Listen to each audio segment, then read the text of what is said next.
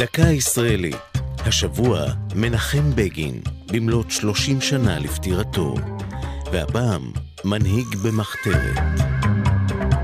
מנחם בגין זכור כאחד המנהיגים החשובים בתולדות המדינה. אולם דרך מנהיגותו התעצבה עוד בתקופה שקדמה לכך.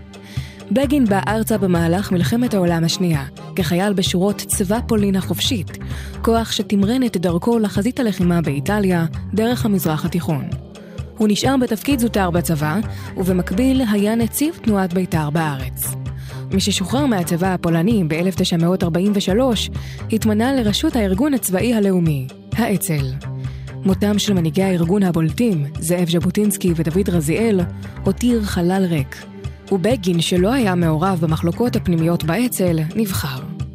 בתפקידו זה החליט בגין לחדש את המאבק המזוין בשלטונות הבריטים, למרות מדיניות המחתרות להימנע מכך כל עוד נמשכת מלחמת העולם השנייה.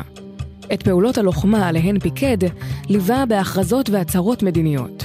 דרכו עוררה התנגדות בארגון ההגנה ובהנהגת היישוב, שפעלו להסגיר את אנשי האצ"ל לידי הבריטים, בתקופה שכונתה הסזון.